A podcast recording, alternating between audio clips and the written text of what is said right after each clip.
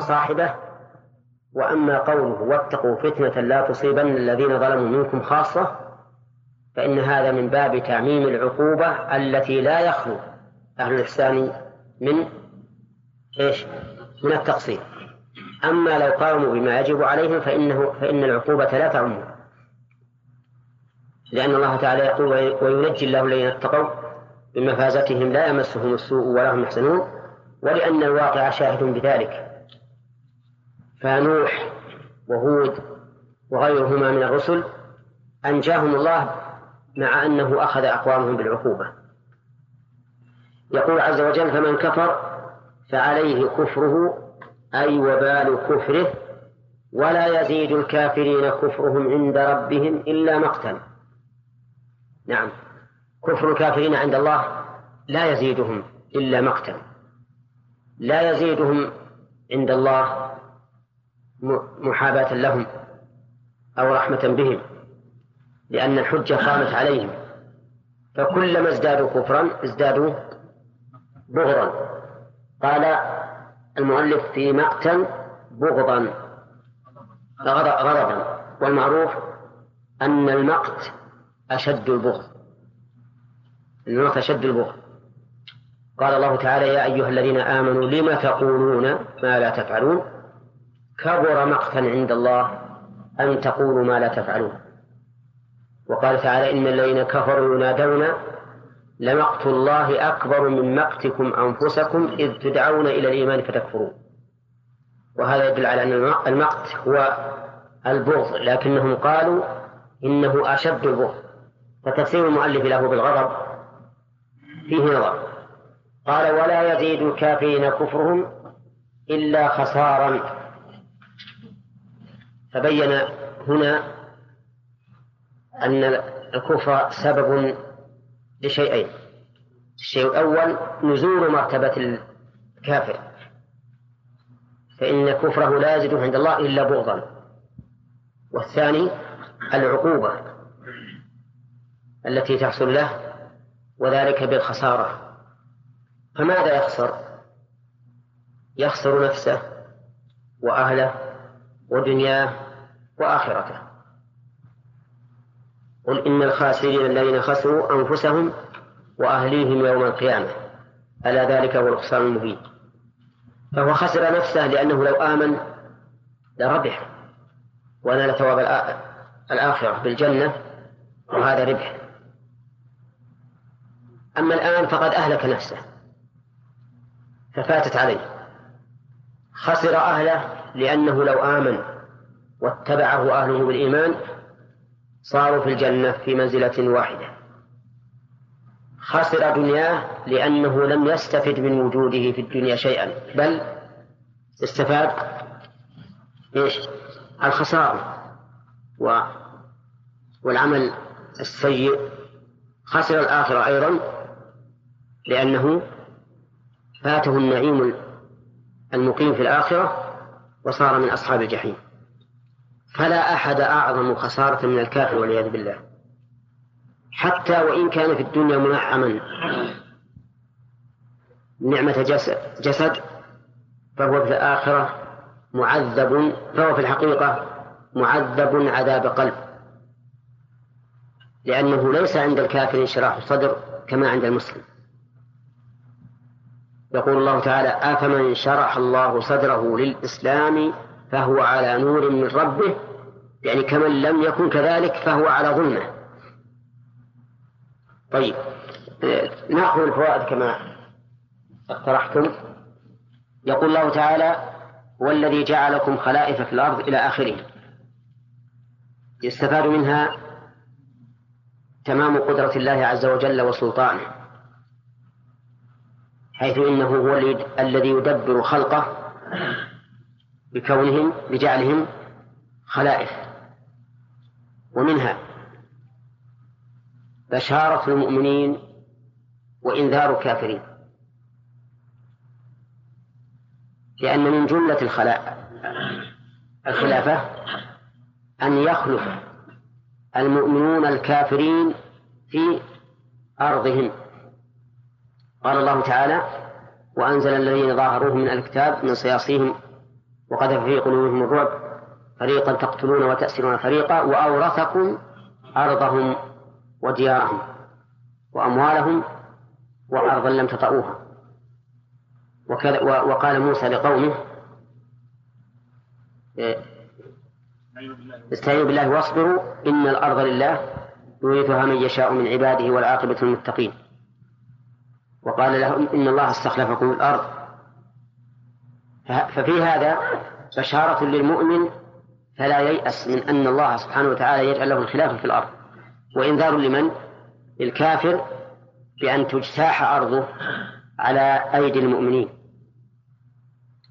ومن فوائدها أيضا حكمة الله عز وجل في توارث الأمم بعضها بعضا. فإنه لولا ذلك لضاقت الأرض بأهلها.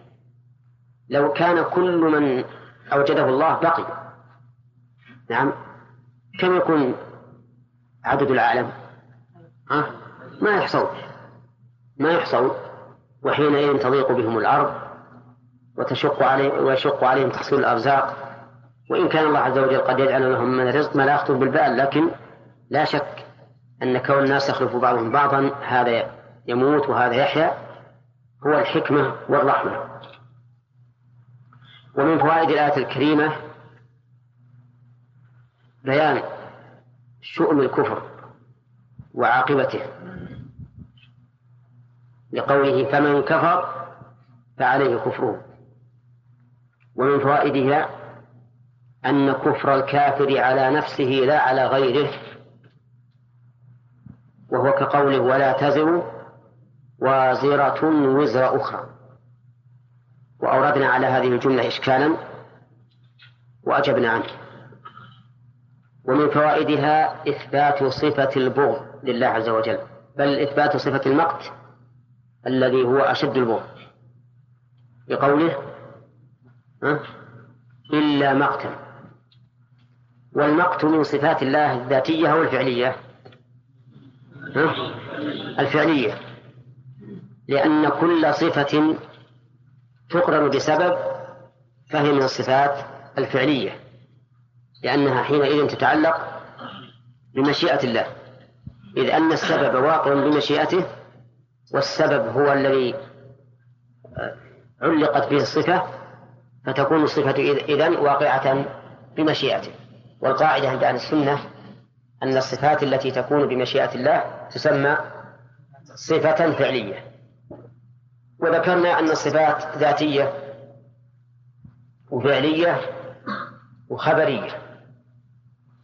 فالذاتية هي الصفات التي لا ينفك الله عنها لم يزل ولا يزال متصفا بها.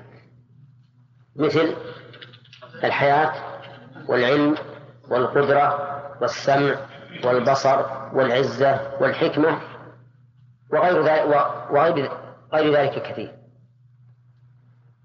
والصفات الفعلية هي التي تتعلق بمشيئته إن شاء فعلها وإن شاء لم يفعلها سواء كانت صفة ظاهرة أم غير ظاهرة مثل المحبة والكراهة والرضا والبغض والضحك والاستواء والنزول وغير ذلك. والصفات الخبرية هي التي نظير مسماها أبعاض لنا. نظير مسماها أبعاض لنا. مثل الوجه واليدين والعين والساق والإصبع وما أشبهها. وهنا لا نقول إنها أجزاء بالنسبة لله هي لنا أجزاء. ولكن نتحاشى أن نقول إنها أجزاء. بل نقول نظير مسماها أجزاء لنا. ولا يمكن أن نجعل هذه صفات معنوية. إذ لو قلنا بأنها صفات معنوية لا ساوينا أهل التعطيل لأنهم يجعلون هذه الصفات صفات معنوية. طيب اللي معنا الآن إلا مقتا صفات من الصفات الفعلية. طيب ومن فوائد الآية الكريمة أنه كلما ازداد الإنسان كفرا ازداد عند الله مقتا. وجه ذلك القاعدة التي ذكرناها ونكررها دائما وهي أن الحكم المعلق على وصف يزداد بزيادته وينقص بنقصانه. وهنا الحكم معلق على الكفر. فإذا يزداد مقت الله عز وجل على الكافر بزيادة كفره وينقص بنقصان كفره. طيب ومن فوائد الآية الكريمة أن الكافر أيضا خاسر. خاسر في الدنيا والآخرة. ولهذا قال ولا يزيد الكافرين كفرهم إلا خسارا ولم يقيد. لم يقل في الدنيا ولا في الآخرة ولا عند الله بل أطلق. فأخسر الناس هم الكفار. خسروا كما قلنا في التفسير أنفسهم وأهليهم ودنياهم وآخرتهم. وشخص خسر كل هذه الجهات ليس له ربح فأعظم الناس خسرانا هم الكافرون. طيب إذا قال قائل هل نستعمل هنا قياس العكس؟ فنقول إذا كان الكافر أخسر الناس فأربح الناس المؤمن الجواب نعم. الجواب نعم. نستعمل هنا قياس العكس؟ لأن قياس العكس جاءت به السنة. قال النبي عليه الصلاة والسلام وفي بضع أحدكم صدقة. قالوا يا رسول الله أيأتي أحدنا شهوته ويكون له في أجر؟ قال أرأيتم لو وضعها في الحرام أكان عليه وزر؟ قالوا نعم. قال كذلك إذا وضعها في الحلال كان له أجر. فكل عمل حلال تستغني به عن حرام يكون لك فيه أجر. إذا المؤمن رابح في مقابل أن الكافر خاسر. وإن شئت تلونا آية صريحة في هذا. قال الله تعالى والعصر إن الإنسان لفي خسر إلا الذين آمنوا. يعني فليسوا في خسر بل في ربح. إلا الذين آمنوا وعملوا الصالحات وتواصوا بالحق وتواصوا بالصبر. وتجارة المؤمنين تجارة رابحة. يرجون تجارة لن تبور لن تهلك ولن تخسر شيئا. وقال النبي صلى الله عليه وسلم لأبي طلحة لما قال يا رسول الله إن الله أنزل قوله تعالى لن تنالوا البر حتى تنفقوا مما تحبون. وإن أحب مالي إلي بيرها وإني أضعها يعني عند الرسول عليه الصلاة والسلام صدقة إلى الله ورسوله. فقال النبي صلى الله عليه وسلم بخ بخ ذاك مال الرابح ذاك مال الرابح ذاك مال الرابح. طيب ثم ثم قال تعالى قل أرأيتم شركاءكم الذين تدعون تعبدون من دون الله أي غيره وهم الأصنام الذين زعمتم أنهم شركاء لله. قل أرأيتم يعني أخبروني. وشركاء مفعول أول. لأن أرأيت تنصب ثلاثة مفاعيل. مفعول أول صريح منطوق به. والمفعول الثاني والثالث معلق بهمزة الاستفهام. فهنا أروني ماذا خلق من الأرض. نعم. أرأيتم شركاءكم من دون الله؟ ماذا ماذا خلقوا من الأرض؟ لكن هنا قال أروني من باب التحدي. أخبرونا عن شركائكم. وقول شركائكم يعني الذين جعلتموهم شركاء. فالإضافة هنا باعتبار جعلهم أي جعل العابدين لها شريكة مع الله. وقوله الذين تدعون قال المؤلف تعبدون. فحول الدعاء إلى معنى العبادة ولا شك أن الدعاء يأتي بمعنى العبادة. كقوله تعالى وقال ربكم ادعوني أستجب لكم إن الذين يستكبرون عن عبادتي ولم يقل عن دعائي. فهذا دليل على أن الدعاء بمعنى العبادة. اتل علينا. اتلها علينا. لا الآية اللي استشهدنا بها على أن الدعاء بمثل الإنسان إذا لم ينتبه. وفاته كلمة واحدة ما عاد يستطيع أن يفهم لأنه ما يقدر يبني الكلام بعضه على بعض. إذا ما تبعت المدرس ترى بيفوتك كل الدرس.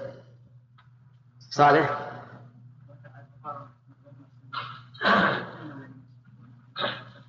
نعم. وقال ربكم ادعوني استجب لكم إن الذين يستكبرون عن عبادتي سيدخلون جهنم داخلين ولكن لو قال قائل إن قوله تدعون شامل لدعاء المسألة وهو طلب الحاجة ودعاء العبادة لكان أولى. لأن هذه الأصنام التي التي يدعونها أحيانا يجمعون بين الأمرين فيركعون لها ويسجدون. ويذبحون وينذرون وأحيانا يدعونها دعاء وأحيانا يجمعون بين بين الأمرين. فالأولى أن نجعل الآية شاملة لدعاء المسألة ودعاء العبادة. والله أعلم. يا محمد أرأيتم؟ والخطاب بقل هنا خطاب للمفرد. وإذا جاء مثل هذا في القرآن فإما أن يكون مما يختص به الرسول صلى الله عليه وسلم فالأمر فيه واضح. كقوله ألم نشرح لك صدرك؟ يا أيها الرسول بلغ وما أشبهه فهذا خاص بمن؟ بالرسول والأمر فيه واضح. إذا جاء مفردا وليس خاصا بالرسول عليه الصلاة والسلام يعني لم يقم دليل على اختصاصه به فهل نقول إن الخطاب موجه لكل من يتأتى خطابه أو إنه موجه إلى الرسول وأمته تبع له وإنما وجه إليه وحده باعتباره الإمام المتبوع. في هذا خلاف بين أهل العلم والخلاف هنا قريب من اللفظ لأن الكل متفقون أن هذا الحكم يشمل الأمة إذ لا دليل على اختصاص الرسول صلى الله عليه وسلم به. بخلاف ألم نشرح لك صدرك فهذا خاص بالرسول لأنه ليس كل أحد قد شرح الله له صدره. طيب هنا يقول أرأيتم شركاءكم؟ الخطاب لمفرد. فهل هو للرسول عليه الصلاة والسلام أو لكل من يتأتى خطابه. قيل إنه لكل من يتأتى خطابه وقيل للرسول باعتباره الإمام وغيره مثله. حتى مثل في زمننا هذا نقول للمشركين أرأيتم شركاءكم الذين تدعون من دون الله؟ أروني ماذا خلقوا من الأرض. وسبق أن المؤلف رحمه الله فسر الدعاء هنا بالعبادة. وقلنا إنه تفسير ناقص لأن الدعاء يكون للعبادة للعبادة ويكون للمسألة. والمشركون أشركوا بشركائهم بالنوعين جميعا. فقد يدعون هؤلاء الشركاء وقد يعبدونهم. وسبق أن أنهم يقولون إن الأصنام شركاء لله عز وجل. حتى إن المشركين في تلبيتهم يقولون لبيك لا شريك لك إلا شريكا هو لك تملكه وما ملك.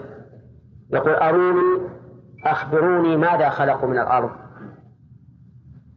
قوله ماذا خلقوا من الأرض؟ من حيث الإعراب يجوز فيها وجهان. الوجه الأول أن نعرب ماذا جميعا على أنها اسم استفهام مفعول مقدم لخلق. والثاني أن نعرب ما وحدها على أنها اسم اسم استفهام وذا بمعنى الذي. وعلى هذا فيكون في خلق ضمير محذوف. هو هو العائد لاسم الموصول. والتقدير ماذا؟ خلقوه من الأرض. والمعنى لا يختلف. فهؤلاء يتحدون ويقال أرونا ماذا خلقوا من الأرض؟ هل خلقوا الجبال؟ هل خلقوا الأشجار؟ هل خلقوا الرمال؟ الأنهار؟ البحار؟ الجواب ها ما ما خلقوا شيئا. ما خلقوا شيئا من هذا. طيب ننتقل إلى أعلى أم لهم شرك في السماوات؟ وهنا ما قال أم أم خلقوا شيئا من السماوات. قال أم لهم شرك لأن السماوات ليست في متناول أيديهم لكن يحتمل أن يكون لهم فيها مشاركة. نعم. فالذي له فالذي له متناول فيه قيل ماذا خلق؟ لجواز أن يقول قائل لهم شرك في الأرض فهذا له مثلا مساحة يأتي الناس إليه وهي حريم قبره مثلا فنقول طيب هل خلقوا هذا؟ إذا ادعيتم أن هذه الأرض مثل له وأنه وقفت على هذا القبر لزائريه أو ما أشبه ذلك فهل خلقوها؟ لكن في السماوات ما قال أم ماذا خلقوا من السماوات قال أم لهم شرك لا على سبيل الخلق ولا على سبيل التملك أم لهم شرك شركة مع الله في السماوات؟ وقول المؤلف في خلق السماوات فيه نظر. بل الصواب أن نقول في السماوات سواء كان ذلك عن طريق التملك أو عن طريق الخلق. وش الجواب؟ لا لا هذا ولا هذا. أم آتيناهم كتابا فهم على بينة منه؟ بأن لهم معي شركة. يعني أو عندهم إذا إذا قلتم لم يخلقوا شيئا من الأرض وليس لهم شركة في السماوات. نقول طيب هل عندهم كتاب وهم على بينة حجة منه بأنهم شركاء مع الله؟ وش الجواب؟ لا. فكل هذه التقسيمات كلها منتفية بالنسبة للأصنام فليس فلم يخلقوا شيئا من الأرض وليس لهم شركة في السماوات وليس معهم بينة من الله كتاب بأنهم شركاء مع الله. وإذا انتفت هذه الأمور الثلاثة لا خلق ولا مشاركة ولا وثيقة تبين إيش؟ تبين بطلانها. قال بل إن ما يعني أن إن هنا نافية بمعنى ما؟ يعد الظالمون الكافرون بعضهم بعضا إلا غرورا باطلا. بقولهم الأصنام تشفع لهم. يعني أن ما يعد الظالمون بعضهم بعضا فهو غرور أي تغرير وخداع وليس له حقيقة. والوعد الذي يعد به الظالمون بعضهم بعضا أنهم يقولون هذه الأصنام تشفع لكم عند الله. اعبدوا محمدا صلى الله عليه وسلم اعبدوا جبريل جبريل اعبدوا الشجر اعبدوا اللات اعبدوا العزى فإنها تشفع لكم. ويعبدون من دون الله ما لا ينفعهم ولا يضرهم ويقولون هؤلاء شفعاؤنا عند الله. كيف يعبدونهم؟ ثم يكون شفعاء. الشافع هل ينال درجة المشفوع إليه؟ لا. الشافع درجته دون درجة المشفوع إليه. نعم. إذ لو كان مساويا أو أعلى ما احتاج أن يشفع. إن كان أعلى أمر أمرا وإن كان مساويا غالبه. غالبه. فأيهما غلب عاد يكون السلطة له. على كل حال نقول إن الظالمين يضر بعضهم بعضا. في الباطل حتى يخدعون أو حتى يخدعوا ويظنوا أن أن الباطل حق وأن الحق باطل. التغرير تارة يكون بالأقوال الكاذبة الملفقة التي ليس لها أصل وتارة يكون بالألقاب السيئة التي تشوه السمعة. فأما الأقوال الكاذبة فمثل قولهم فيما حكى الله عنه وإذا فعلوا فاحشة قالوا وجدنا عليها آباءنا. والله أمرنا بها. قولهم والله أمرنا بها. هذا كذب وزور. ولهذا قال الله تعالى مبتلا لهذه الدعوة قل إن الله لا يأمر بالفحشاء. أتقولون على الله ما لا تعلمون. هذا من جملة التغرير أن يدعوا قولا كذبا وزورا. أو بالألقاب السيئة. وعجبوا أن جاءهم منذر منهم وقال الكافرون هذا ساحر كذاب. نعم. أجعل الآلهة إله واحدا. إن هذا لشيء عجاب. فأتوا بالألقاب السيئة. ساحر. بعد؟ وكذاب.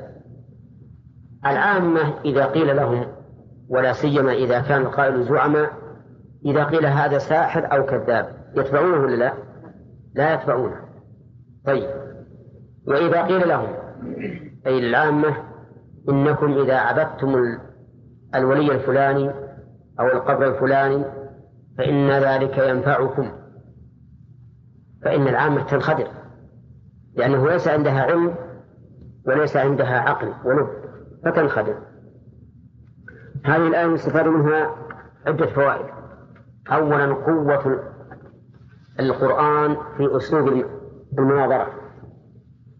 وذلك بالترديد والتقسيم. وجهه أن الله تحداهم بثلاثة أمور. هل خلقوا شيئا من الأرض؟ هل شاركوا الله في السماء؟ هل عندهم كتاب من الله أن هذه الأصنام تنفعهم؟ وإن لم تكن شريكة لله في السماوات ولم تخلق شيئا من الأرض. الجواب؟ ها؟ لا. لو خلقت شيء من الأرض لكان لها الحق لأنها تخلق. لا لو خلقت شيء من الأرض لكان لها الحق لأنها تخلق. لو شاركت الله في ملكه في السماء لكان لها الحق لأنها شريكة لله عز وجل في ملكه. لو أن الله أنزل كتابا يقول بأن هذه الأصنام لها الحق وأن تعبد وتدعى من دون الله نعم لكان له شبهة أو حجة. فلما انتفت الأمور الثلاثة تبين أنه لا حجة له. ثانيا أنه ينبغي في المناظرة أن أن تذكر جميع الأقسام التي يمكن أن ترد في الذهن ثم تبطل. احترز من إيش؟ من أي شيء؟ مما لو ذكرت شيئا واحدا ثم بينت بطلانه فقد يرد عليك شيء آخر. لأنه كما أن القول الحق لا ينحصر إثباته بدليل واحد فكذلك الباطل لا تنحصر أو لا ينحصر إيراد الشبه فيه بشبهة واحدة. فإذا أردت أن تفحم خصمك لا تأتي بشبهة واحدة ائت بجميع ما يمكن ويحتمل أن يكون شبهة لتبطلها حتى يكون عندك القوة الكاملة التي لا يمكن أن يورد عليك أحد منها خللا. ومن فوائد الآية الكريمة أنه لا أحد يخلق مع الله. أروني ماذا خلقوا من الأرض. فإن قلت يرد عليك أن الله أثبت أن أن هناك خالقين. في قوله تعالى فتبارك الله أحسن الخالقين وفي قول الرسول صلى الله عليه وسلم يقال لهم أي المصورين أحيوا ما خلقتم الجواب أنهم لم يخلقوا هذا ولكن حولوه من صورة إلى صورة. فهنا ليس ليس منهم إيجاد بل تحويل من صورة إلى صورة. فالمصور مثلا الذي أخذ الطين وجعل منه صورة على صورة إنسان أو صورة طير أو صورة دابة ماذا نقول؟ هل خلق هذا الشيء؟ ها؟ لا لكن حوله من كونه كتلة من الطين إلى كونه صورة وليس خلقا جديدا النجار مثلا إذا أتى على الخشب ونجره على صورة معينة ما نقول إنه خلقه لأنه لم يوجده لكن حوله من صورة إلى أخرى طيب ومن فوائد الآية الكريمة بطلان ألوهية هذه الأصنام ومن باب أولى ربوبيتها. وجه هذا أن الله تحدى أن تكون هذه الأصنام صالحة للمشاركة بكل وجه من الوجوه. إيش؟ الخلق والمشاركة والوثيقة. كل هذه منتفية إذا فيبطل جعلها إلها مع الله. ومن فوائد الآية الكريمة أن الظالمين ويشمل الكافرين ومن دونهم أن الظالمين لا يعد بعضهم بعضا إلا غرورا وخداعا. فيشمل ذلك الكافرين الذين يزينون الكفر. ويشمل ذلك أهل الخلاعة الذين يزينون الخلاعة. ويشمل أهل اللهو الذين يزينون اللهو. فكل باطل يزينه أصحابه. نقول فيه لا يعد الظالمون بعضهم بعضا إلا غرورا. ومن فوائد الآية الحذر من أن يتمنى الإنسان على الله الأماني بل الذي ينبغي أو يجب أن يكون الإنسان كيسا فطنا حازما. كما يروى عن النبي عليه الصلاة والسلام الكيس من دان نفسه وعمل لما بعد الموت والعاجز من أتبع نفسه هواها وتمنى على الله الأمان فالوعود التي يوعد بها الإنسان من قبل الظالمين أو من قبل نفسه إذا كانت مخالفة للشرع فما هي إلا غرور وباطل. فليحذر. فليحذر الإنسان منها الله تبارك وتعالى مبينا تمام قدرته ومنته على عباده. قال إن الله يمسك السماوات والأرض أن تزولا أي يمنعهما من الزوال قوله إن الله يمسك السماوات والأرض الإمساك بمعنى القبض على الشيء. والتمكن والتمكن منه. وفسره المؤلف بالمنع وهو لازم للإمساك. وقوله أن تزول أن هذه مصدرية حذف منها حرف الجر.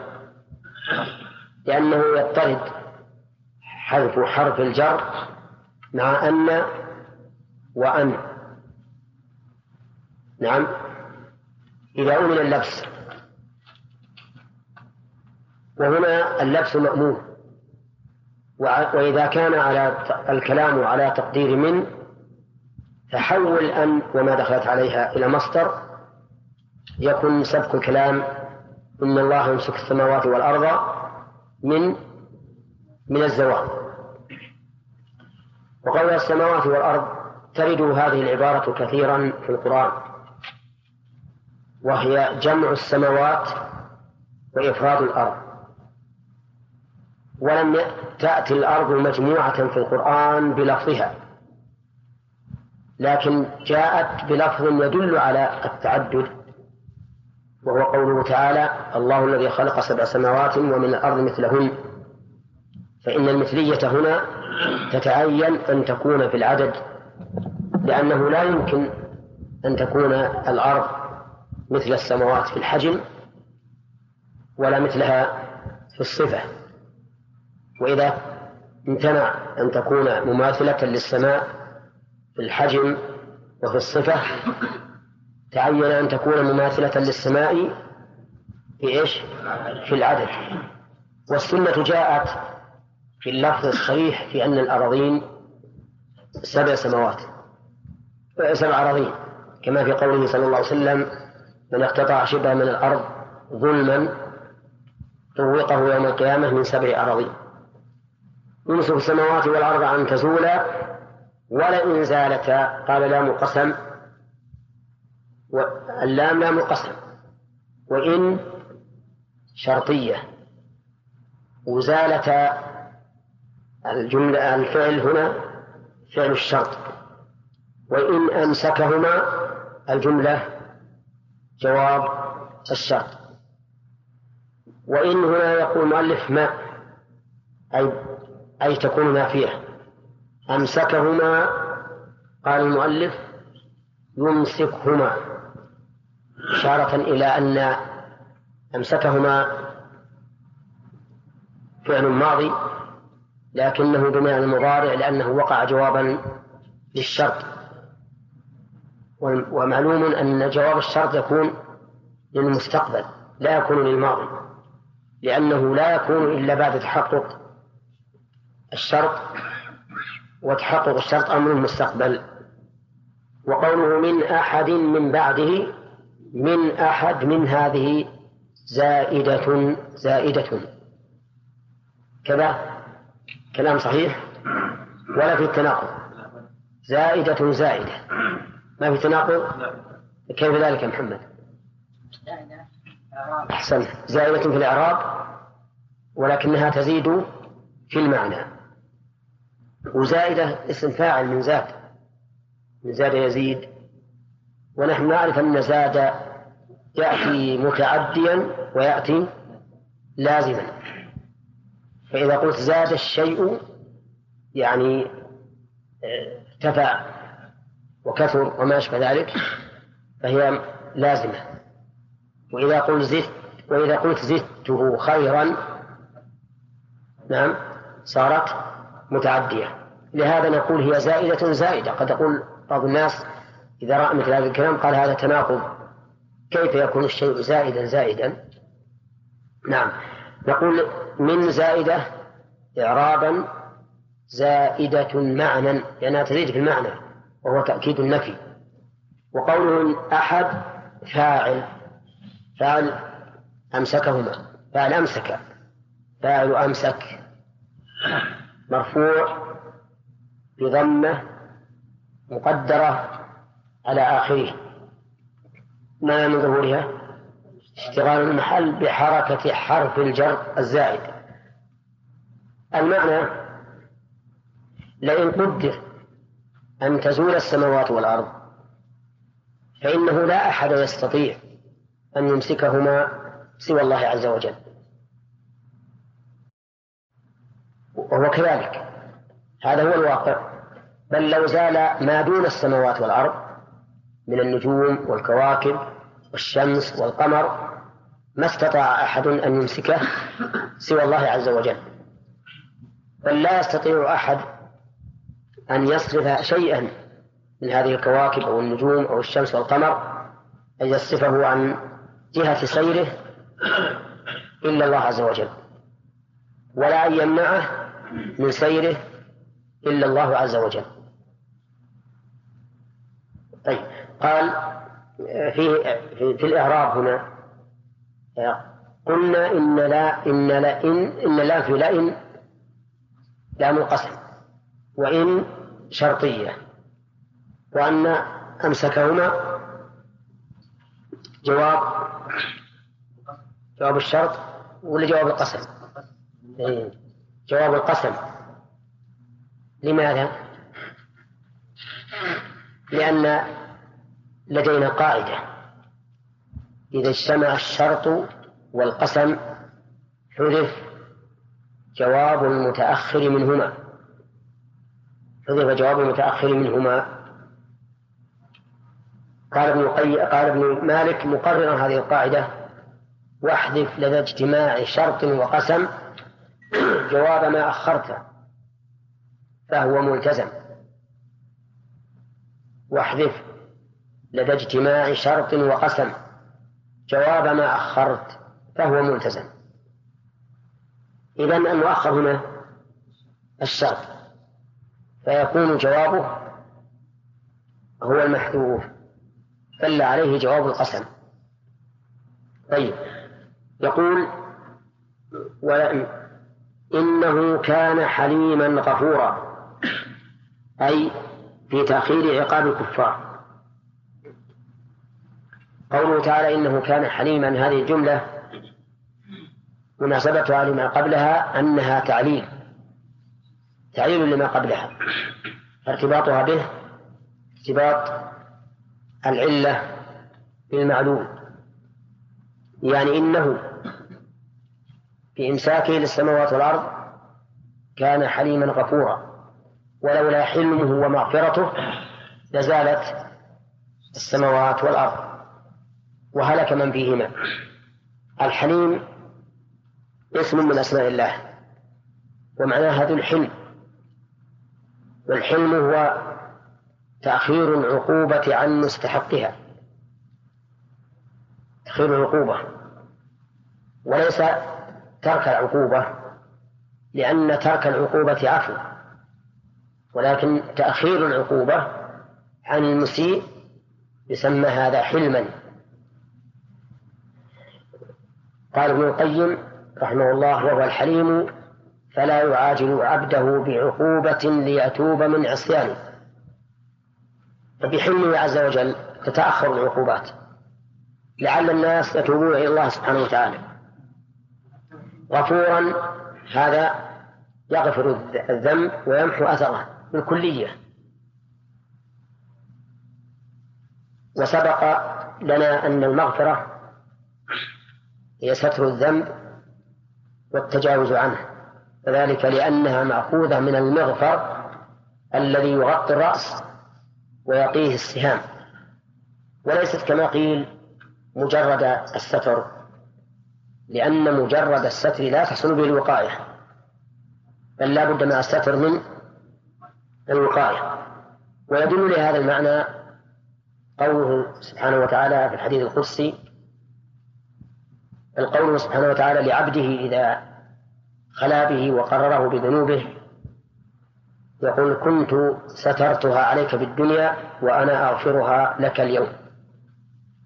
فإن هذا يدل على أن الستر غير المغفرة وأن المغفرة لا بد فيها من من عدم المؤاخذة وعدم العقوبة. في هذه الآية الكريمة فوائد. الفائدة الأولى بيان قدرة الله عز وجل على إمساك السماوات والأرض. فهذه الأجرام العظيمة أمسكها الله تعالى بقدرته بدون معاناة. وبدون تعب وإنما يقول للشيء كن فيكون. ولقد خلقنا السماوات والأرض وما بينهما في ستة أيام وما مسنا من لغوب قال الله تعالى ائتيا طوعا أو كرها قالتا أتينا طائعين. ومن فوائدها أيضا بيان رحمة الله عز وجل بعباده حيث سخر لهم السماوات والأرض فسخر لهم ما في السماوات والأرض أيضا. وهذا من كمال رحمته. فلولا رحمة الله عز وجل بعباده لوقعت السماوات على الأرض وهلك الناس وما ترك عليها من دابة ومن فوائد هذه هذه الآية أن السماوات والأرض مخلوقتان. من جملة المخلوقات. مسخرتان بأمر الله. ففيه رد على الفلاسفة الذين يقولون بقدم العالم وقدم الأفلاك وأن الفلك التاسع كما يزعمون هو المدبر لما تحته. بل نقول هذه الأفلاك كلها مخلوقة لله مسخرة بأمره. لو شاء الله عز وجل أن تزول لزالت ولا استطاع أحد ولم يستطع أحد أن يمسكها. نعم. وجه الفائدة أنها مخلوقة من مخلوقات الله فليست قديمة. يمسك يمسك السماوات. فإن إمساكها دليل على أنها قائمة بأمره. ومن فوائد الآية الكريمة أيضا أنه لا أحد يستطيع أن يدبر هذه المخلوقات العظيمة الكبيرة بقوله ولئن زالتا إن أمسكهما من أحد من بعده ومن فوائد الآية الكريمة أيضا أننا أو توجيه الخلق أنه إذا رأوا في هذه الآيات السماوات والأرض إذا رأوا ما يزعجهم ويقلقهم أن لا يرجعوا إلى أحد إلا إلى من؟ إلى الله عز وجل. فالزلازل والبراكين والكسوف والصواعق وغيرها, وغيرها مما يخوف العالم لا نرجع فيه إلا إلى الله لأن لأنه هو الذي يمسك السماوات والأرض أن تزولا ولا أحد يمسكهما إذا زالتا إلا الله. ولكن كيف نلجأ إلى الله في هذه الأمور؟ هل نلجأ إليه بالصفة التي أرشدنا إليها النبي عليه الصلاة والسلام في صلاة الكسوف أو نلجأ إلى الله تعالى بالصفة التي أرشد إليها النبي صلى الله عليه وسلم في صلاة الكسوف في في الكسوف فقط. وما عداه فإنما نلجأ إلى الله تعالى بالدعاء المطلق. هذا محل خلاف بين العلماء. فمنهم من قال إنه إذا وجدت آيات أفقية تخيف العباد. فإنه يشرع للعباد أن يصلوا صلاة الكسوف حتى يذهب ما بهم. صاحبه وأما قوله واتقوا فتنة لا تصيبن الذين ظلموا منكم خاصة فإن هذا من باب تعميم العقوبة التي لا يخلو أهل الإحسان من إيش؟ من التقصير. أما لو قاموا بما يجب عليهم فإنه فإن العقوبة لا تعم. لأن الله تعالى يقول وينجي الله الذين اتقوا بمفازتهم لا يمسهم السوء ولا هم يحزنون ولأن الواقع شاهد بذلك. فنوح وهود وغيرهما من الرسل أنجاهم الله مع أنه أخذ أقوامهم بالعقوبة. يقول عز وجل فمن كفر فعليه كفره أي وبال كفره ولا يزيد الكافرين كفرهم عند ربهم إلا مقتا نعم. كفر الكافرين عند الله لا يزيدهم إلا مقتا لا يزيدهم عند الله. فكلما ازدادوا كفرا ازدادوا بغضا. قال المؤلف في مقتا بغضا غضبا. والمعروف أن المقت أشد البغض. المقت أشد البغض قال الله تعالى يا أيها الذين آمنوا لم تقولون ما لا تفعلون؟ كبر مقتا عند الله أن تقولوا ما لا تفعلون. وقال تعالى إن الذين كفروا ينادون لمقت الله أكبر من مقتكم أنفسكم إذ تدعون إلى الإيمان فتكفرون. وهذا يدل على أن المقت هو البغض لكنهم قالوا إنه أشد البغض. فتفسير المؤلف له بالغضب فيه نظر قال ولا يزيد الكافرين كفرهم إلا خسارا. فبين هنا أن الكفر سبب لشيئين الشيء الأول نزول مرتبة الكافر. فإن كفره لا يزيد عند الله إلا بغضا. والثاني العقوبة التي تحصل له وذلك بالخسارة. فماذا يخسر؟ يخسر نفسه وأهله ودنياه وآخرته. قل إن الخاسرين الذين خسروا أنفسهم وأهليهم يوم القيامة. ألا ذلك هو الخسران المبين.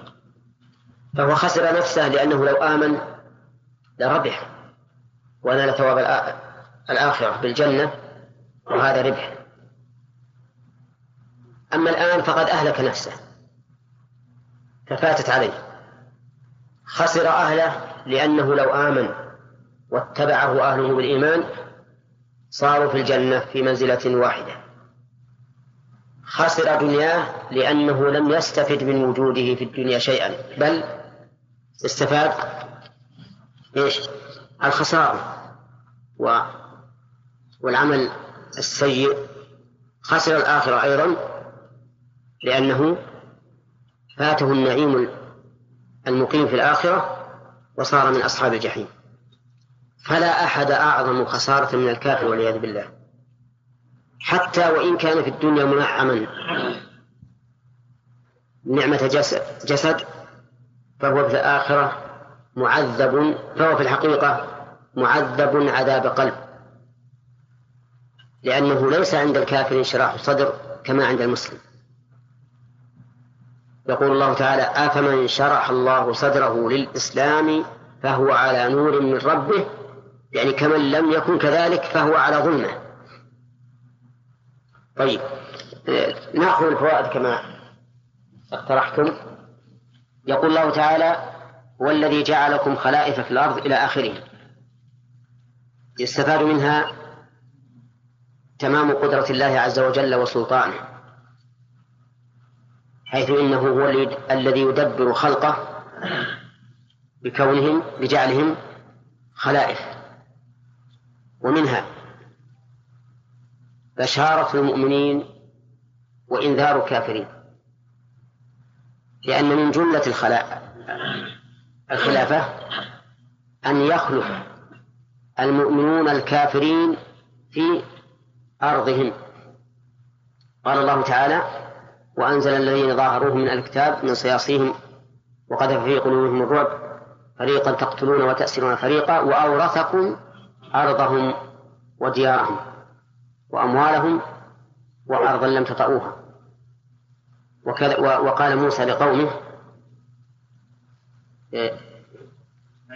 استعينوا بالله واصبروا إن الأرض لله يورثها من يشاء من عباده والعاقبة للمتقين. وقال لهم إن الله استخلفكم الأرض.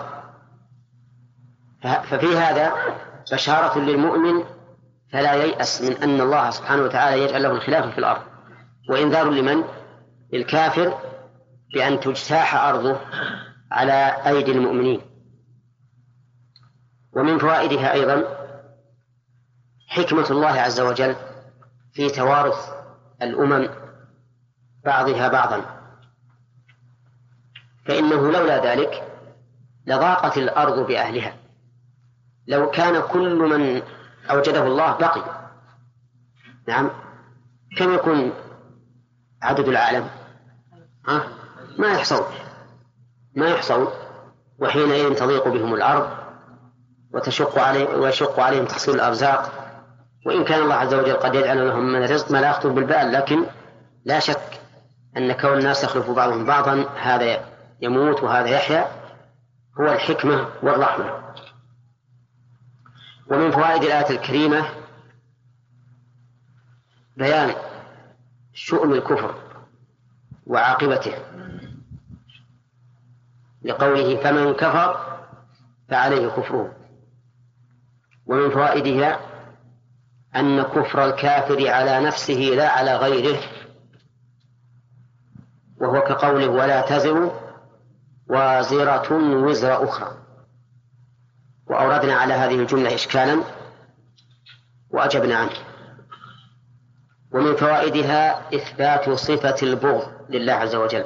بل إثبات صفة المقت الذي هو أشد البغض. بقوله إلا مقتا. والمقت من صفات الله الذاتية أو الفعلية الفعلية. لأن كل صفة تقرن بسبب فهي من الصفات الفعلية لأنها حينئذ تتعلق بمشيئة الله.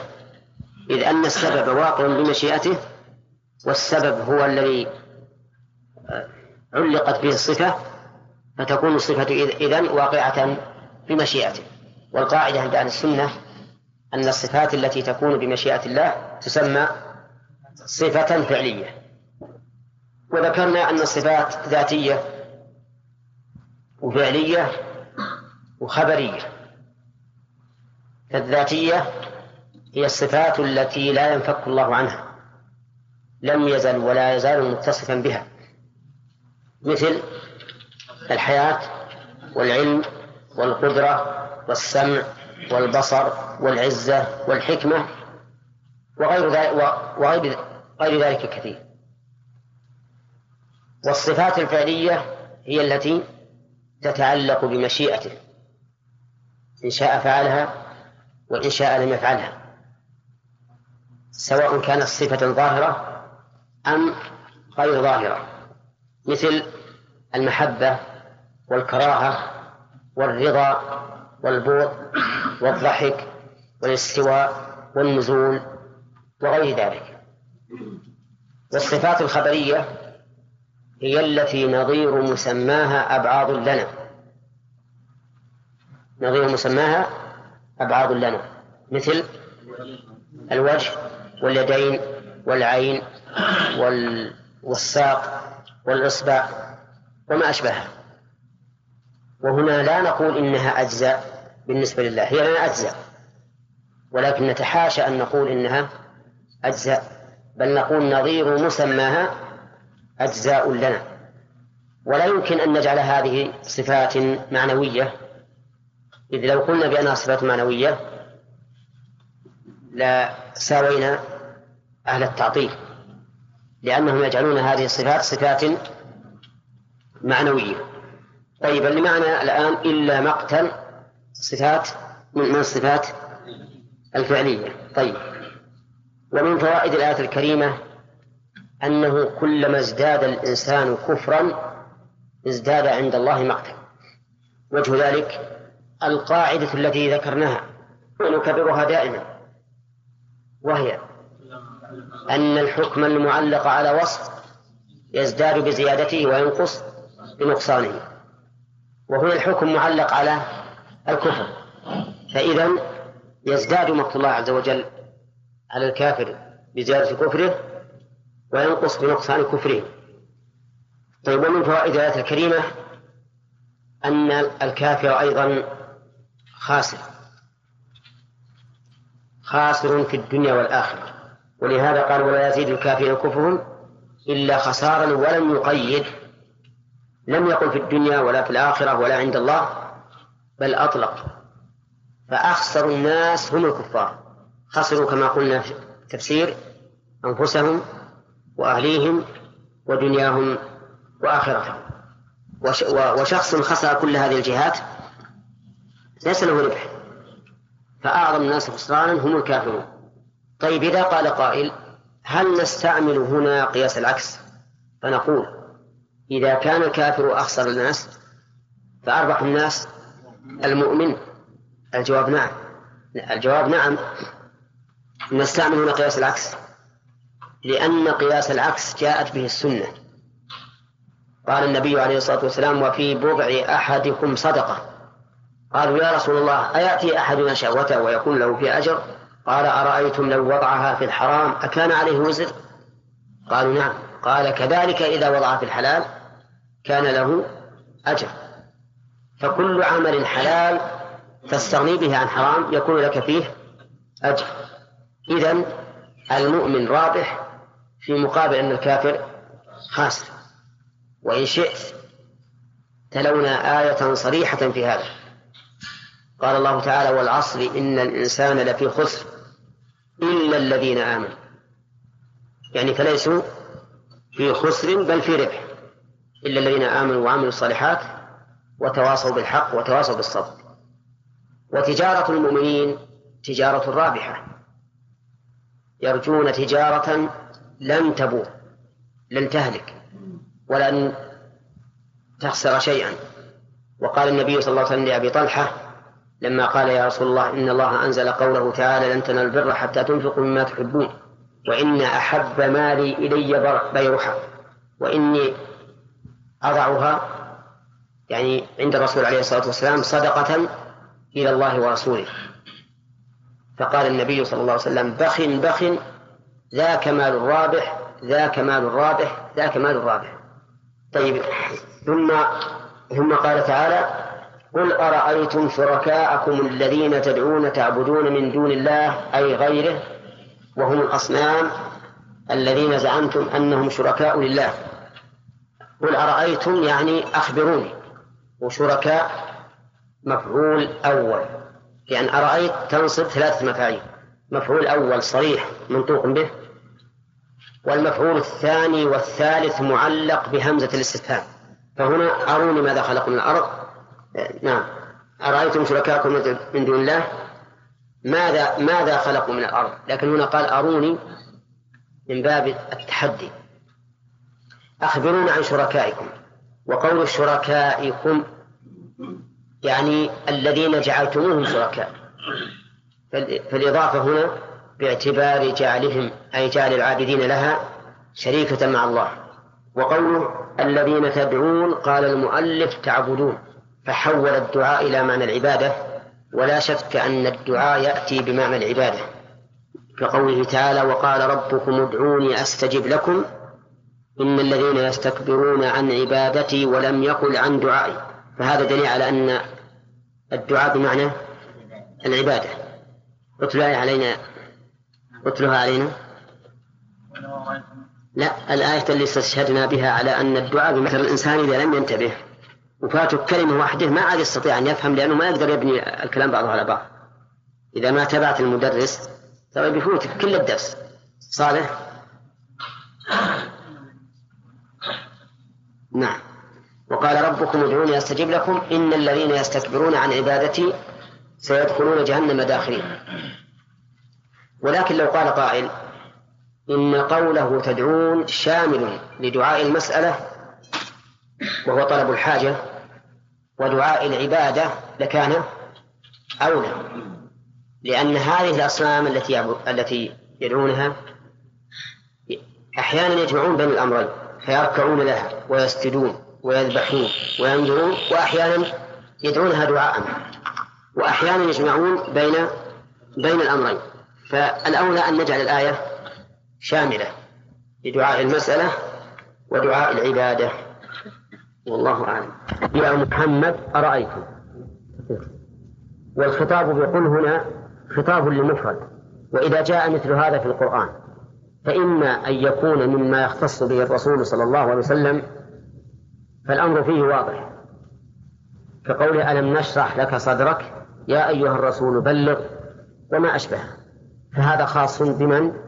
بالرسول والأمر فيه واضح إذا جاء مفردا وليس خاصا بالرسول عليه الصلاة والسلام يعني لم يقم دليل على اختصاصه به فهل نقول إن الخطاب موجه لكل من يتأتى خطابه أو إنه موجه إلى الرسول وأمته تبع له وإنما وجه إليه وحده باعتباره الإمام المتبوع في هذا خلاف بين أهل العلم والخلاف هنا قريب من اللفظ لأن الكل متفقون أن هذا الحكم يشمل الأمة إذ لا دليل على اختصاص الرسول صلى الله عليه وسلم به. بخلاف ألم نشرح لك صدرك فهذا خاص بالرسول لأنه ليس كل أحد قد شرح الله له صدره. طيب هنا قل أرأيتم شركاءكم؟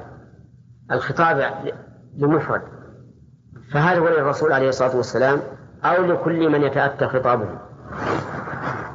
قيل إنه لكل من يتأتى خطابه وقيل للرسول باعتباره الإمام وغيره مثله. حتى مثل في زمننا هذا نقول للمشركين أرأيتم شركاءكم الذين تدعون من دون الله؟ أروني ماذا خلقوا من الأرض. وسبق أن المؤلف رحمه الله فسر الدعاء هنا بالعبادة. وقلنا إنه تفسير ناقص لأن الدعاء يكون للعبادة للعبادة ويكون للمسألة. والمشركون أشركوا بشركائهم بالنوعين جميعا فقد يدعون هؤلاء الشركاء وقد يعبدونهم. وسبق أن أنهم يقولون إن الأصنام شركاء لله عز وجل. حتى إن المشركين في تلبيتهم يقولون لبيك لا شريك لك إلا شريكا هو لك تملكه وما ملك. يقول أروني أخبروني ماذا خلقوا من الأرض. قوله ماذا خلقوا من الأرض من حيث الإعراب. يجوز فيها وجهان. الوجه الأول أن نعرب ماذا جميعا على أنها اسم استفهام مفعول مقدم لخلق. والثاني أن نعرب ما وحدها على أنها اسم اسم استفهام وذا بمعنى الذي. وعلى هذا فيكون في خلق ضمير محذوف. هو هو العائد لاسم الموصول والتقدير ماذا؟ خلقوه من الأرض. والمعنى لا يختلف. فهؤلاء يتحدون ويقال أرونا ماذا خلقوا من الأرض؟ هل خلقوا الجبال؟ هل خلقوا الأشجار؟ هل خلقوا الرمال؟ الأنهار البحار الجواب ها. ما ما خلقوا شيئا. ما خلقوا شيئا من هذا. طيب ننتقل إلى آلة. أم لهم شرك في السماوات؟ وهنا ما قال أم أم خلقوا شيئا من السماوات. قال أم لهم شرك لأن السماوات ليست في متناول أيديهم لكن يحتمل أن يكون لهم فيها مشاركة. نعم. فالذي له فالذي له متناول فيه قيل ماذا خلق لجواز أن يقول قائل لهم شرك في الأرض فهذا له مثلا مساحة يأتي الناس إليه وهي حريم قبره مثلا فنقول طيب هل خلقوا هذا؟ إذا ادعيتم أن هذه الأرض مثل له وأنه وقفت على هذا القبر لزائريه أو ما أشبه ذلك فهل خلقوها؟ لكن في السماوات ما قال أم ماذا خلقوا من السماوات قال أم لهم شرك. لا على سبيل الخلق ولا على سبيل التملك. أم لهم شرك شركة مع الله في السماوات. وقول المؤلف في خلق السماوات فيه نظر. بل الصواب أن نقول في السماوات سواء كان ذلك عن طريق التملك أو عن طريق الخلق. وش الجواب؟ لا. لا هذا ولا هذا. أم آتيناهم كتابا فهم على بينة منه بأن لهم معي شركة. يعني أو عندهم إذا إذا قلتم لم يخلقوا شيئا من الأرض وليس لهم شركة في السماوات. نقول طيب هل عندهم كتاب وهم على بينة حجة منه بأنهم شركاء مع الله؟ وش الجواب؟ لا. فكل هذه التقسيمات كلها منتفية بالنسبة للأصنام فليس فلم يخلقوا شيئا من الأرض وليس لهم شركة في السماوات وليس معهم بينة من الله كتاب بأنهم شركاء مع الله. وإذا انتفت هذه الأمور الثلاثة لا خلق ولا مشاركة ولا وثيقة تبين إيش؟ تبين بطلانها. قال بل إن ما يعني أن إن هنا نافية بمعنى ما يعد الظالمون الكافرون بعضهم بعضا إلا غرورا باطلا بقولهم الأصنام تشفع لهم. يعني أن ما يعد الظالمون بعضهم بعضا فهو غرور أي تغرير وخداع. وليس له حقيقة. والوعد الذي يعد به الظالمون بعضهم بعضا أنهم يقولون هذه الأصنام تشفع لكم عند الله. اعبدوا محمدا صلى الله عليه وسلم اعبدوا جبريل جبريل اعبدوا الشجر اعبدوا اللات اعبدوا العزى فإنها تشفع لكم. ويعبدون من دون الله ما لا ينفعهم ولا يضرهم ويقولون هؤلاء شفعاؤنا عند الله. كيف يعبدونهم ثم يكون شفعاء. الشافع هل ينال درجة المشفوع إليه؟ لا. الشافع درجته دون درجة المشفوع إليه. نعم. إذ لو كان مساويا أو أعلى ما احتاج أن يشفع. إن كان أعلى أمر أمرا وإن كان مساويا غالبه. غالبه. فأيهما غلب عد يكون السلطة له. على كل حال نقول إن الظالمين يضر بعضهم بعضا في الباطل حتى يخدعون أو حتى يخدعوا ويظنوا أن أن الباطل حق وأن الحق باطل. التغرير تارة يكون بالأقوال الكاذبة الملفقة التي ليس لها أصل وتارة يكون بالألقاب السيئة التي تشوه السمعة. فأما الأقوال الكاذبة فمثل قولهم فيما حكى الله عنه وإذا فعلوا فاحشة قالوا وجدنا عليها آباءنا. والله أمرنا بها. قولهم الله أمرنا بها. هذا كذب وزور. ولهذا قال الله تعالى مبتلا لهذه الدعوة قل إن الله لا يأمر بالفحشاء أتقولون على الله ما لا تعلمون. هذا من جملة التغرير أن يبدأوا قولا كذبا وزورا أو بالألقاب السيئة. وعجبوا أن جاءهم منذر منهم وقال الكافرون هذا ساحر كذاب. نعم أجعل الآلهة إله واحدا إن هذا لشيء عجاب. فأتوا بالألقاب السيئة. ساحر. مش بعد؟ وكذاب. العامة إذا قيل لهم ولا سيما إذا كان القائل زعما إذا قيل هذا ساحر أو كذاب يتبعونه ولا لا؟ لا يتبعونه. طيب. وإذا قيل لهم أي العامة إنكم إذا عبدتم الولي الفلاني أو القبر الفلاني فإن ذلك ينفعكم. فإن العامة تنخدر لأنه ليس عندها علم وليس عندها عقل ولب فتنخدر هذه الآية نستفاد منها عدة فوائد. أولا قوة القرآن في أسلوب المناظرة. وذلك بالترديد والتقسيم. وجهه أن الله تحداهم بثلاثة أمور. هل خلقوا شيئا من الأرض؟ هل شاركوا الله في السماء؟ هل عندهم كتاب من الله أن هذه الأصنام تنفعهم؟ وإن لم تكن شريكة لله في السماوات ولم تخلق شيئا من الأرض. الجواب؟ ها؟ لا. لو خلقت شيئا من الأرض لكان لها الحق لأنها تخلق. لا لو خلقت شيئا من الأرض لكان لها الحق لأنها تخلق.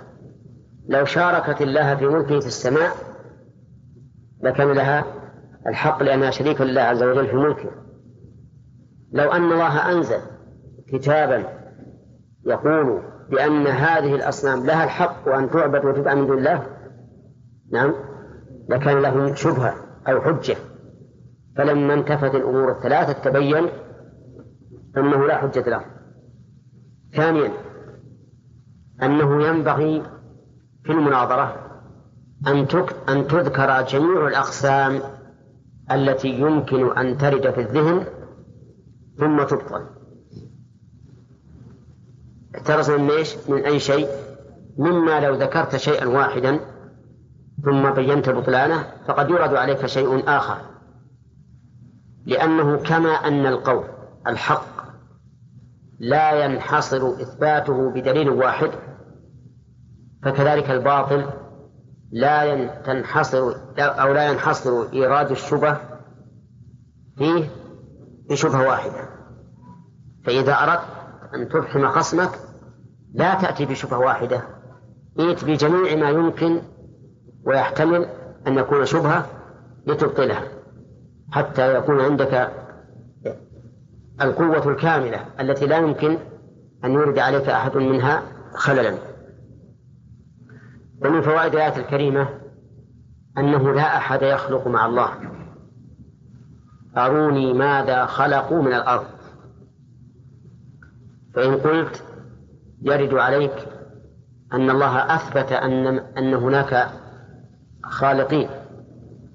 في قوله تعالى فتبارك الله أحسن الخالقين وفي قول الرسول صلى الله عليه وسلم يقال لهم أي المصورين أحيوا ما خلقتم فالجواب أنهم لم يخلقوا هذا ولكن حولوه من صورة إلى صورة. فهنا ليس ليس منهم إيجاد بل تحويل من صورة إلى صورة. فالمصور مثلا الذي أخذ الطين وجعل منه صورة على صورة إنسان أو صورة طير أو صورة دابة ماذا نقول؟ هل خلق هذا الشيء؟ ها؟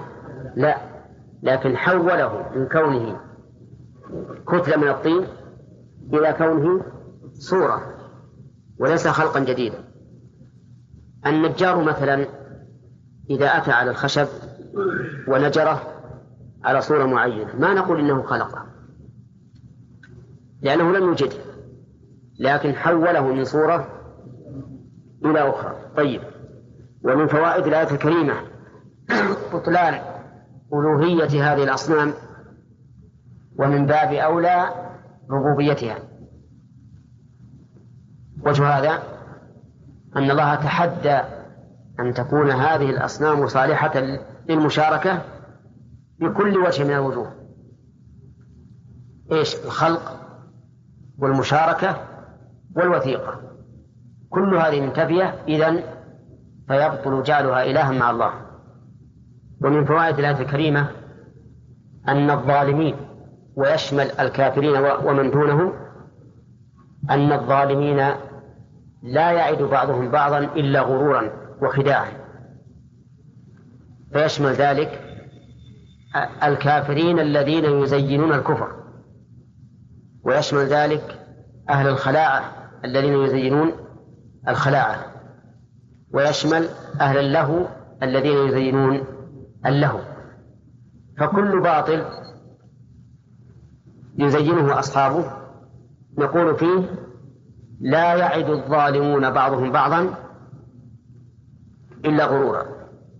ومن فوائد الآية الحذر من أن يتمنى الإنسان على الله الأماني. بل الذي ينبغي أو يجب أن يكون الإنسان كيسا فطنا حازما.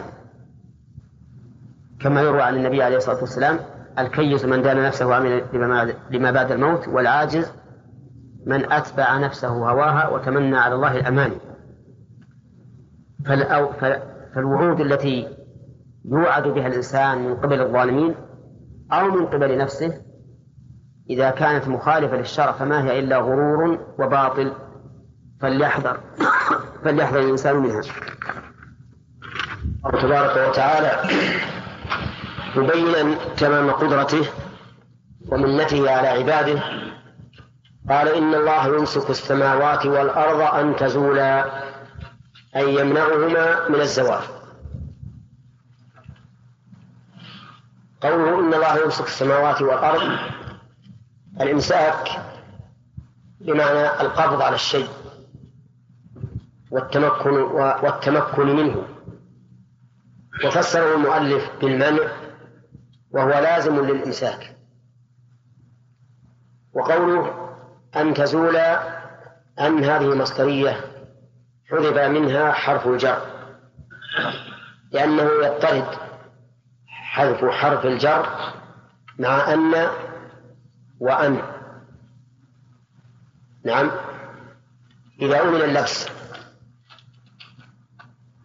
وهنا اللبس مأمون وإذا كان على الكلام على تقدير من فحول أن وما دخلت عليها إلى مصدر يكون سبق الكلام إن الله يمسك السماوات والأرض من من الزوال.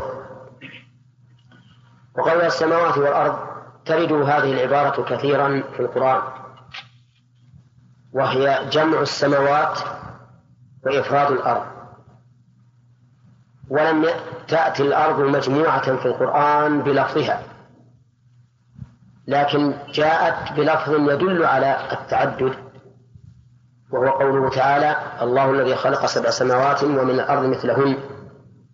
فإن المثلية هنا تتعين أن تكون في العدد لأنه لا يمكن أن تكون الأرض مثل السماوات في الحجم ولا مثلها في الصفة. وإذا امتنع أن تكون مماثلة للسماء في الحجم وفي الصفة تعين أن تكون مماثلة للسماء في إيش؟ في العدد والسنة جاءت في اللفظ الصريح في أن الأراضين سبع سماوات سبع أراضين كما في قوله صلى الله عليه وسلم من اقتطع شبه من الأرض ظلما طوقه يوم القيامة من سبع أراضين يمسك السماوات والأرض أن تزولا ولئن زالتا. قال لام قسم اللام لام القسم وإن شرطية. وزالتا الجملة الفعل هنا فعل الشرط. وإن أمسكهما الجملة جواب الشرط. وإن هنا يقول المؤلف ما. أي أي تكون نافية. أمسكهما قال المؤلف يمسكهما. إشارة إلى أن أمسكهما فعل ماضي لكنه بمعنى المضارع لأنه وقع جوابا للشرط. ومعلوم أن جواب الشرط يكون للمستقبل لا يكون للماضي لأنه لا يكون إلا بعد تحقق الشرط وتحقق الشرط أمر المستقبل وقوله من أحد من بعده من أحد من هذه زائدة زائدة. كذا؟ كلام صحيح؟ ولا في التناقض. زائدة زائدة. ما في تناقض؟ كيف ذلك يا محمد؟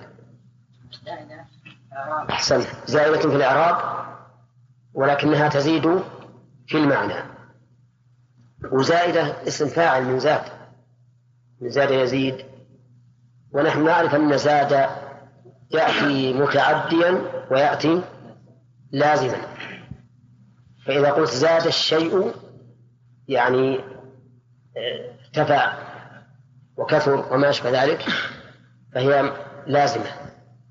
وإذا قلت زدت وإذا قلت زدته خيرا نعم صارت متعدية. لهذا نقول هي زائدة زائدة. قد يقول بعض الناس إذا رأى مثل هذا الكلام قال هذا تناقض. كيف يكون الشيء زائدا زائدا؟ نعم. نقول من زائدة إعرابا زائدة معنى لأنها تزيد في المعنى وهو تأكيد النفي. وقوله أحد فاعل فاعل أمسكهما. فاعل أمسك فاعل أمسك. مرفوع بضمة مقدرة على آخره. ما من ظهورها؟ اشتغال المحل بحركة حرف الجر الزائد. المعنى لئن قدر أن تزول السماوات والأرض فإنه لا أحد يستطيع أن يمسكهما سوى الله عز وجل. وهو كذلك. هذا هو الواقع. بل لو زال ما دون السماوات والأرض من النجوم والكواكب والشمس والقمر ما استطاع أحد أن يمسكه سوى الله عز وجل. بل لا يستطيع أحد أن يصرف شيئا من هذه الكواكب أو النجوم أو الشمس والقمر أن يصرفه عن جهة سيره إلا الله عز وجل. ولا أن يمنعه من سيره إلا الله عز وجل. طيب قال في في, الإعراب هنا قلنا إن لا إن لا إن إن لا في لئن لام القسم وإن شرطية وأن أمسكهما جواب جواب الشرط ولا جواب القسم؟ إيه. جواب القسم لماذا؟ لأن لدينا قاعدة. إذا اجتمع الشرط والقسم حذف جواب المتأخر منهما. حذف جواب المتأخر منهما. قال ابن قي... قال ابن مالك مقررا هذه القاعدة واحذف لدى اجتماع شرط وقسم جواب ما أخرته فهو ملتزم. واحذف لدى اجتماع شرط وقسم. جواب ما أخرت فهو ملتزم. إذا المؤخر هنا الشرط. فيكون جوابه هو المحذوف. دل عليه جواب القسم. طيب. يقول ولئن إنه كان حليما غفورا. أي في تأخير عقاب الكفار. قوله تعالى إنه كان حليما. هذه الجملة مناسبتها لما قبلها أنها تعليل. تعليل لما قبلها. ارتباطها به ارتباط العلة بالمعلوم. يعني إنه في إمساكه للسماوات والأرض كان حليما غفورا. ولولا حلمه ومغفرته لزالت السماوات والأرض. وهلك من فيهما. الحليم اسم من أسماء الله ومعناه ذو الحلم. والحلم هو تأخير العقوبة عن مستحقها. تأخير العقوبة. وليس ترك العقوبة لأن ترك العقوبة عفو. ولكن تأخير العقوبة عن المسيء يسمى هذا حلما. قال ابن القيم رحمه الله وهو الحليم فلا يعاجل عبده بعقوبة ليتوب من عصيانه. فبحلمه عز وجل تتأخر العقوبات لعل الناس يتوبون إلى الله سبحانه وتعالى. غفورا هذا يغفر الذنب ويمحو أثره بالكلية. وسبق لنا أن المغفرة هي ستر الذنب والتجاوز عنه وذلك لأنها مأخوذة من المغفر الذي يغطي الرأس ويقيه السهام. وليست كما قيل مجرد الستر لأن مجرد الستر لا تحصل به الوقاية بل لا بد مع الستر من الوقاية. ويدل لهذا المعنى قوله سبحانه وتعالى في الحديث القدسي القول سبحانه وتعالى لعبده إذا خلا به وقرره بذنوبه يقول كنت سترتها عليك في الدنيا وأنا أغفرها لك اليوم. فإن هذا يدل على أن الستر غير المغفرة وأن المغفرة لا بد فيها من عدم المؤاخذة وعدم العقوبة. في هذه الآية الكريمة فوائد. الفائدة الأولى بيان قدرة الله عز وجل على إمساك السماوات والأرض. فهذه الأجرام العظيمة أمسكها الله تعالى بقدرته بدون معاناة وبدون تعب وإنما يقول للشيء كن فيكون ولقد خلقنا السماوات والأرض وما بينهما في ستة أيام وما مسنا من لغوب قال الله تعالى ائتيا طوعا أو كرها قالتا أتينا طائعين. ومن فوائدها أيضا بيان رحمة الله عز وجل بعباده حيث سخر لهم السماوات والأرض بل سخر لهم ما في السماوات والأرض أيضا وهذا من كمال رحمته. فلولا رحمة الله عز وجل بعباده لوقعت السماء السماوات على الأرض وهلك الناس وما ترك عليها من دابة. ومن فوائد هذه هذه الآية أن السماوات والأرض مخلوقتان. من جملة المخلوقات. مسخرتان بأمر الله. ففيه رد على الفلاسفة الذين يقولون بقدم العالم وقدم الأفلاك وأن الفلك التاسع كما يزعمون هو المدبر لما تحته. بل نقول هذه الأفلاك كلها مخلوقة لله مسخرة بأمره. لو شاء الله عز وجل أن تزول لزالت ولا استطاع أحد ولم يستطع أحد أن يمسكها. نعم. وجه الفائدة أنها مخلوقة من مخلوقات الله. فليست قديمة. يمسك يمسك السماوات. فإن إمساكها دليل على أنها قائمة بأمره. ومن فوائد الآية الكريمة أيضا أنه لا أحد يستطيع أن يدبر هذه المخلوقات العظيمة الكبيرة لقوله ولئن زالتا إن أمسكهما من أحد من بعده. ومن فوائد الآية الكريمة أيضا أننا أو توجيه الخلق أنه إذا رأوا في هذه الآيات السماوات والأرض إذا رأوا ما يزعجهم ويقلقهم أن لا يرجعوا إلى أحد إلا إلى من؟ إلى الله عز وجل كالزلازل والبراكين والكسوف والصواعق وغيرها مما يخوف العالم لا نرجع فيه إلا إلى الله لأن لأنه هو الذي يمسك السماوات والأرض أن تزولا ولا أحد يمسكهما إذا زالتا إلا الله. ولكن كيف نلجأ إلى الله في هذه الأمور؟ هل نلجأ إليه بالصفة التي أرشدنا إليها النبي عليه الصلاة والسلام في صلاة الكسوف؟ أو نلجأ إلى الله تعالى بالصفة التي أرشد إليها النبي صلى الله عليه وسلم في صلاة الكسوف في في الكسوف فقط. وما عداه فإنما نلجأ إلى الله تعالى بالدعاء المطلق. هذا محل خلاف بين العلماء.